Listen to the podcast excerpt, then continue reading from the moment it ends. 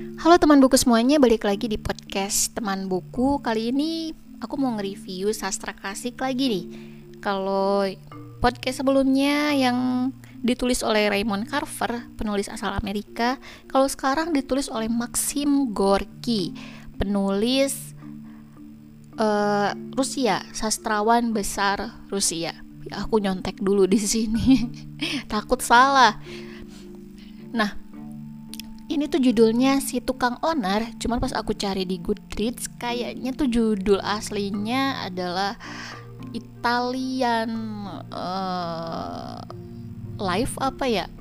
Italian pokoknya ada Itali Italinya gitu. Makanya aku tuh kadang siwer gitu entah si Maxim Gorky ini orang Rusia atau orang Itali kadang-kadang gitu. Makanya harus lihat dulu uh, apa namanya halaman belakang cover belakang bukunya. Dan ini yang bikin aku tertarik sama buku ini adalah penerjemahnya Eka Kurniawan. Dan di sini ditulis di covernya. Pakai huruf tebal walaupun agak kecil tapi ini kelihatan banget penerjemahnya Eka Kurniawan. Kalau di buku-buku lain kayaknya belum ada deh maksudnya belum aku belum pernah nemuin ada buku yang penerjemahnya itu ditulis di cover. Belum pernah nemuin baru kali ini aja. Mungkin ada tapi aku baru nemuin yang si buku si tukang penari ini.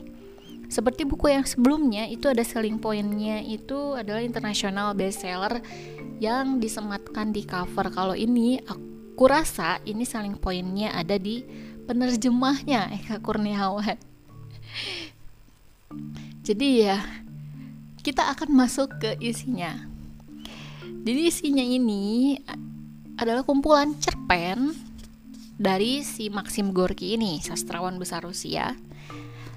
Yang jumlah cerpennya tuh ada, aku hitung dulu ya, 1, 2, 3, 4, 5, 6, 7, 8, 9, 10, 11 12 13 14 15 ada 15 cerpen dan isinya ini tentang cerpen-cerpen uh, dengan gaya realisme sosialis. Nah aku sebenarnya nggak paham ya realisme sosialis itu apa, jadi aku nggak bisa ngejelasin ke kalian uh, apa sih maksudnya realisme sosialis ini. Kalau misal aku baca buku ini, aku aku memahaminya kayak gini realisme sosialis atau orang-orang yang sosialis itu adalah orang yang nggak peduli sama yang namanya politik terus nggak peduli sama yang namanya pemerintahan pokoknya ya udah lebih ke masyarakat aja. Nah yang aku pahamin gitu ya nanti uh, sorry nih kalau misalkan ada salah-salah karena jujur sampai sekarang aku belum sempet buka Google buat cari tahu apa itu yang namanya realisme sosialis tapi dari isi ceritanya ya memang lebih ke kayak kehidupan masyarakat gitu kan. Lebih ke kayak kemelutnya di masyarakat.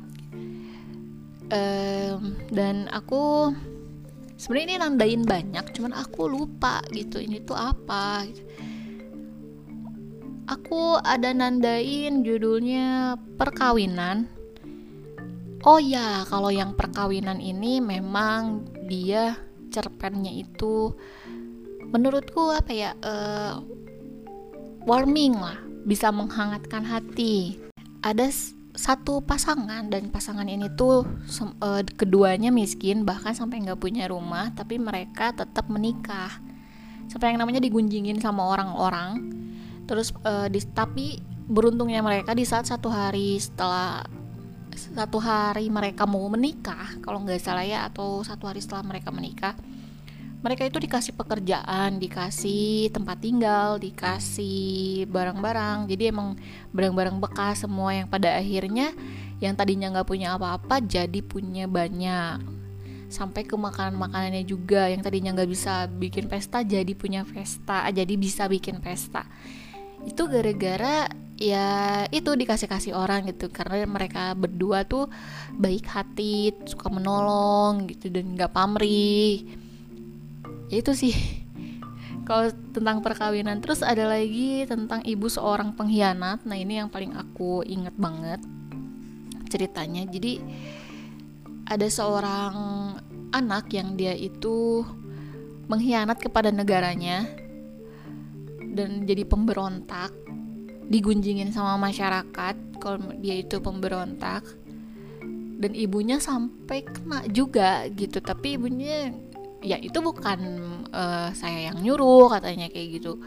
Dan ibunya jadi berpikir aku ngelahirin anak katanya kayak malah jadi kayak gini.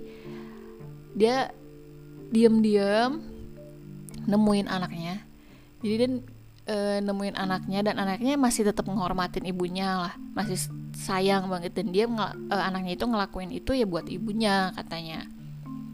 Untuk menciptakan negara yang aman damai versi dia untuk ibunya. Tapi ibunya sendiri punya pemahaman yang lain yang pada akhirnya dibunuhlah si anak tersebut. Lalu si ibunya ini bunuh diri. Kayak gitu. Banyak sih ya ini soalnya aku nandain tuh banyak cuman ya gitu agak-agak lupa ceritanya aku baca ini tuh udah sekitar tiga harian yang lalu. Dan buku ini juga pasti aku bakalan baca lagi. Soalnya ada apa ya beberapa yang nggak aku pahamin jadi bakalan pasti bakalan aku baca lagi. Untuk terjemahannya jangan diragukan lah yang namanya penerjemah terkenal kayak Eka Kurniawan. Itu nggak ngecewain loh bener nggak ngecewain. Itu bahasanya peng, bo, apa ya pemilihan diksinya gitu sampai ke kalimatnya juga itu ngalir banget. Jadi bikin betah. Tapi karena ini cerpennya berat jadi agak mikir gitu sebenarnya. Ya emang kayak gitu sih ya mungkin karena kalau uh, sastra klasik ya memang begitu ya. Sastra klasik tuh. Oke paling kayak gitu aja review buku Maxim Gorki si tukang onar kali ini. Thank you banget yang udah dengerin. Uh, kalau mau diskusi silahkan DM ke Instagram @ikaririch um, oke paling kayak gitu aja. Jangan lupa follow dan sampai jumpa di podcast selanjutnya